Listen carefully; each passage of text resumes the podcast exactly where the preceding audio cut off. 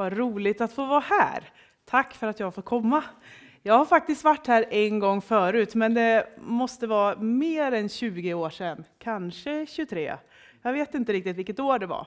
Då hade jag en ungdomskör som hette Räddningskören och vi var här och sjöng tillsammans med fler ungdomar. Eh, och hade gudstjänst, jag tror tillsammans med Rigmor Holst. Men det hjälpte inte, för jag hittade inte hit idag i alla fall. jag körde fel när jag körde enligt eh, GPSen. Då hamnade jag hos någon annan kanske, jag vet inte. Där det stod att Pingstförsamlingen var. Men nu är jag här. Bibeln säger om sig själv att den är Guds ord. Att Gud har talat till människor och så har de skrivit ner vad Gud har sagt. Och så har det funnits Bibeln då så att människor kan läsa Guds ord. Men det är inte alla människor som tycker om Bibeln. En del tycker det är fånigt. En del tror inte alls på Bibeln. Och en del tycker att det är en farlig bok. I vissa länder har det varit förbjudet att äga en bibel och i vissa länder har det faktiskt varit förbjudet att till och med ta in en bibel i landet. Så på många sätt har människor försökt att tala illa om Bibeln eller säga att det är ingen bok som vi ska lyssna på. Det är bara skräp. Men hur man än har försökt så kan man faktiskt fortfarande läsa i Bibeln att Bibeln är Guds ord. Bibeln är Guds ord. Det var en bra öppningstrolleri va? Ja. Hur gjorde hon den? Det är en yrkeshemlighet. Nu glömde jag min bibel. Mm.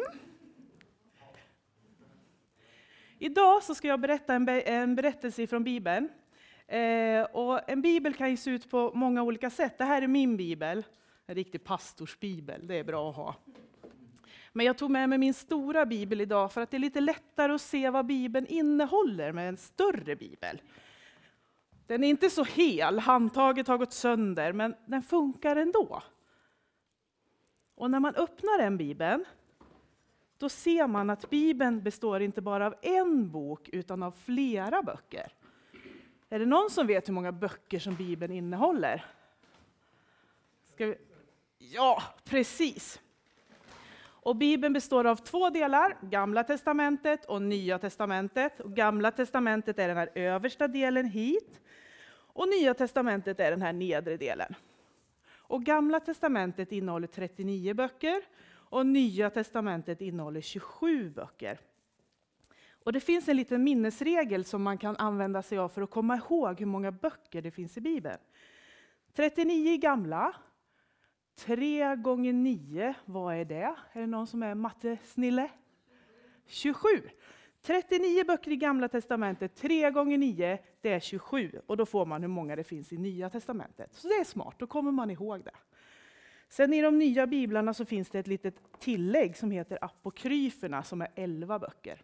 Och de skrevs mellan Gamla och Nya Testamentet.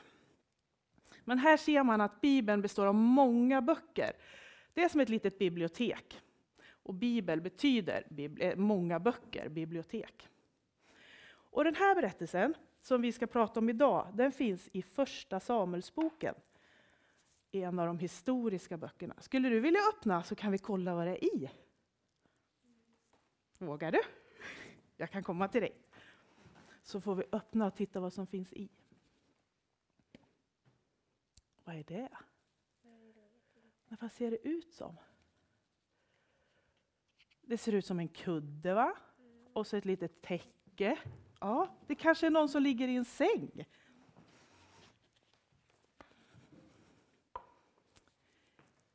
I Israel så fanns det en man och en kvinna som hette Hanna och Elkana. De hade en stor sorg i livet och det var att de inte kunde få några barn. De hade försökt i många år men det blev inga barn. Och en dag när de är i Jerusalem, i templet, deras stora, stora kyrka, så är Hanna där och hon ber till Gud. Hon gråter och hon ber och så säger hon till Gud att om du bara vill ge mig en liten, liten son, då ska jag ge honom tillbaka till dig så att han får tjäna dig hela sitt liv. Och sen när hon har bett färdigt så vänder hon och Elkana hem igen Och ett år senare så får de faktiskt en son. Och de ger honom namnet Samuel. Och det kan man läsa om i Samuelsboken. Tiden går och Hanna är överlycklig att hon har fått det här lilla barnet som hon har längtat efter. Och han växer till. Men Hanna hon glömmer inte sitt löfte till Gud. Utan när Samuel har blivit så pass stor att han klarar sig någorlunda själv, då går hon tillbaka till templet och till prästen där som heter Eli. Och så säger hon att här är sonen jag bad till Gud om och som han gav mig. Och nu vill jag ge honom tillbaka till Gud så att han får tjäna Gud resten av sitt liv och att han får bo här. Och Eli han har blivit ganska gammal, så han är ganska glad att han kan få en liten hjälpreda. Han ser väldigt dåligt, så han behöver någon som är hans ögon. Och en kväll, när Samuel har gått och lagt sig i sin säng, så hör han hur någon ropar på honom. Samuel! Och Samuel är nog ganska van att Eli brukar ropa, så han kilar upp ur sängen och så springer han iväg till Elis rum. Och så säger han, här är jag, du ropar på mig. Och Eli han säger, men jag har inte ropat, gå och lägg dig igen. Samuel han rycker på axlarna och så går han och lägger sig igen och drar täcket över sig. Och precis när han håller på att somna så ropar rösten igen, Samuel! Och Samuel han kliver upp och så går han till Eli. Eli, du ropar ju på mig, vad ville du? Jag är här nu. Och Eli han säger att jag har inte ropat på dig, gå och lägg dig igen. Och så går Samuel och lägger sig. Och samma sak en gång till. Han hör rösten som ropar Samuel. Och den här gången är Samuel ganska arg och han stampar iväg till Eli. Börjar farbror bli gammal och inte komma ihåg att han ropar på mig? Här är jag, du ropar på mig Eli. Och Eli han säger, men jag har inte ropat på dig. Och så slår det Eli en tanke, det kanske är Gud som ropar på Samuel. Så Eli han säger till Samuel att Nästa gång du hör rösten, kom inte springande till mig då, för jag, jag, behöver ingen hjälp just nu. Jag har lagt mig och jag ska sova och du väcker mig när du kommer hit. Utan nästa gång du hör rösten, så säg då istället, här är jag Gud, tala, jag lyssnar. Samuel han blir förvånad, för han har fortfarande inte lärt känna Guds röst och han vet inte hur Gud låter när han talar. Men han tänker att ja, kommer rösten så får jag väl testa.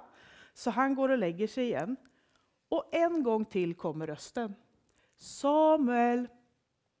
Och den här gången så springer inte Samuel iväg till Eli irriterat, utan han sätter sig upp i sängen och så säger han, här är jag Gud, tala, jag lyssnar.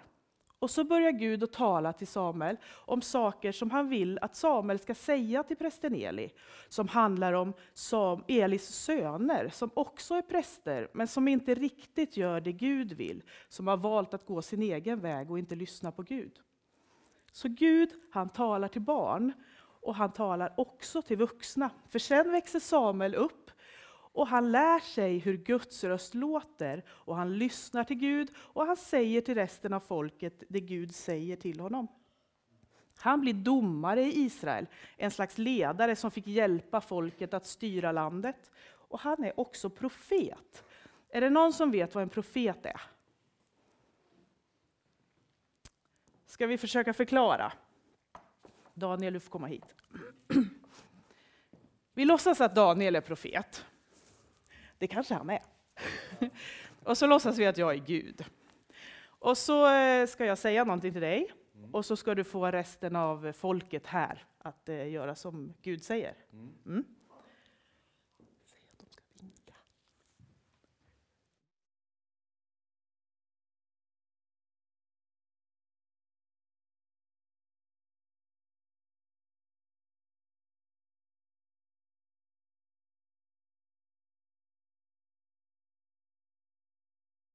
Lydigt folk.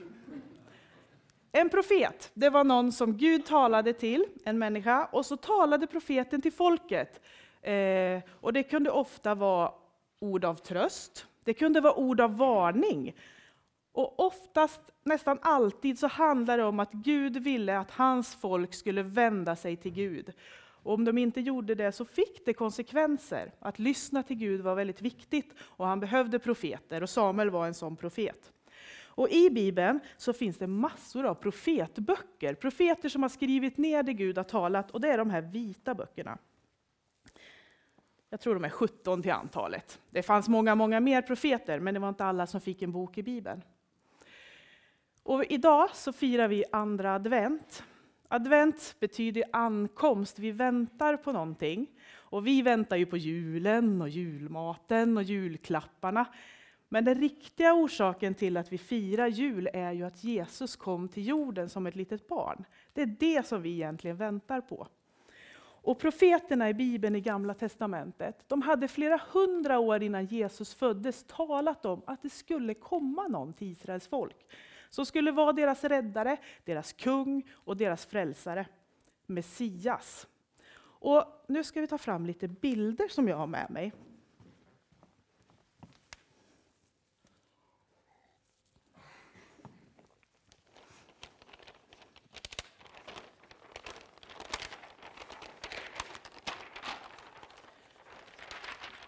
Nu ska vi se, de ska vara sju till antalet. Och här är bara tre. Det verkar som de har fått fötter kanske. Men det är ingen som har sett om det har varit några bilder här. Visst hette ni Wilmer och Gabriel? Ja, skulle ni vilja hjälpa mig att se om ni hittar liknande bilder som ser ut så här? Om de finns här någonstans i kyrksalen? Vill ni hjälpa mig att leta lite? Gör det. Får vi se om vi hittar. Vi behöver fyra bilder till då. Får vi se om ni hittar dem. Ser ni dem någonstans? Bra!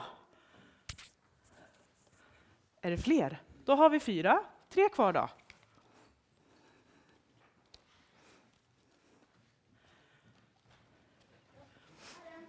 Ja, då tar vi med den också. Då har vi två kvar. Är det någon som ser någon fler bild? Tack. Ingen där? Har de gömt sig väl?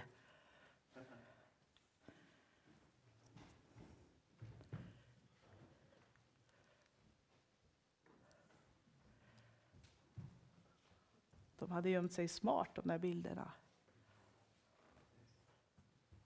Där! Bra! Då är det, är det sista bilden då kanske? Ja, en bild till. Sen så är vi hamn. Oj! Tack! Tack så jättemycket. Ja, du får jättegärna göra det. Därför att de här profeterna som talade hundratals år innan Messias skulle komma, de talade om, och redan Mose pratade om att det skulle komma någon, en man. Han skulle vara profet lik Mose själv. Nu ska vi se om vi får upp den här, för nu fanns det ingen häftmassa. Ja, vi, för, vi fördelade den lite. Ser ni Mose här nu då?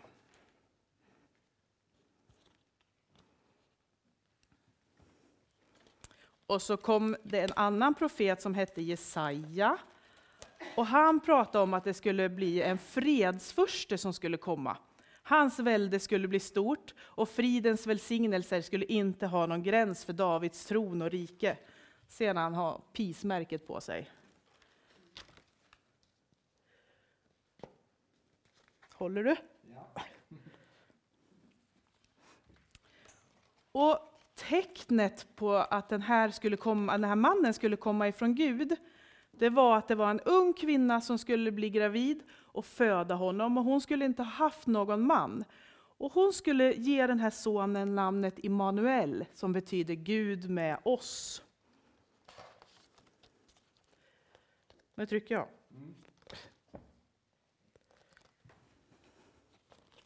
Och Jeremia talade också om att det skulle komma en god och rättvis man. Han skulle komma från kung Davids släkt och han skulle skapa rättvisa och trygghet i landet.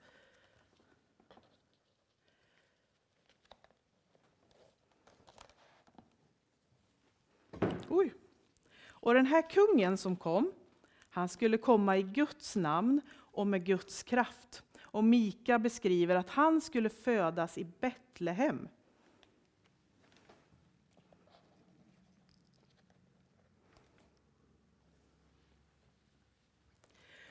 Och profeten Sakarja han skriver om att den här fantastiske mannen, Messias, han skulle komma i ödmjukhet, inridande i Jerusalem på en åsna. Och hans rike skulle vara från hav till hav, över hela jorden. Och krigen skulle ta slut, och han skulle förkunna fred för folken.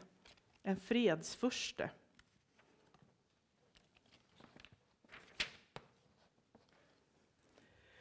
Och sista bilden, det är också från Jesaja. Och det berättas att den här mannen, Messias som kom, han skulle inte tas emot som en kung. Han skulle föraktas, han skulle överges. Och det talades till och med att han skulle plågas och misshandlas och dö för våran skull. Och hans egna skulle stöta bort honom.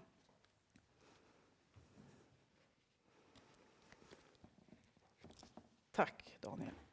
Så Bibeln berättar flera av de här profetorden om den här Messias som skulle komma. Och de berättade om hans 35-åriga liv ungefär på jorden.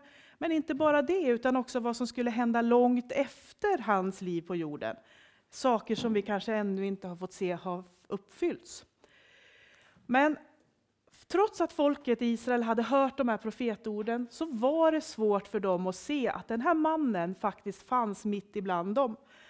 Guds son förstod de inte att det var han. Trots att han fanns mitt ibland dem så såg de inte det. De hade lite andra förväntningar på den här kungen och fredsfursten. Och de tittade på fel saker. Och fast, han hade, fast de hade väntat i flera hundra år och han stod där mitt framför ögonen så kände de inte igen honom. De hade inte lärt känna Guds röst riktigt. För en del var det självklart. De förstod att Jesus var Messias. Men för andra så var det kanske så att man varken ville eller kunde se att det var han som fanns där. Men han kom till jorden för att vi skulle ha liv och för att vi skulle ha räddning. Och när man tittar på den här bilden och på de här bilderna så bildar de faktiskt ett ord. Det är inte alltid så lätt att se det och ibland så kan man inte titta rätt på bilderna utan man måste titta mellan bilderna. Så jag ska rita lite för att hjälpa till.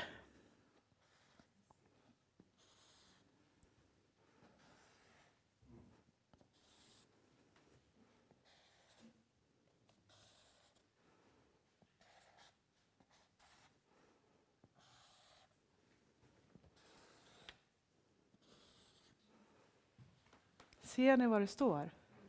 Jesus. Han som vi väntar på ska komma i form av ett barn till jul. Han var Messias som profetorden talade om, som kom för länge sedan. Och det är honom vi får räkna med och lita på och lära oss att lyssna till Guds röst, för vi behöver honom i våra liv.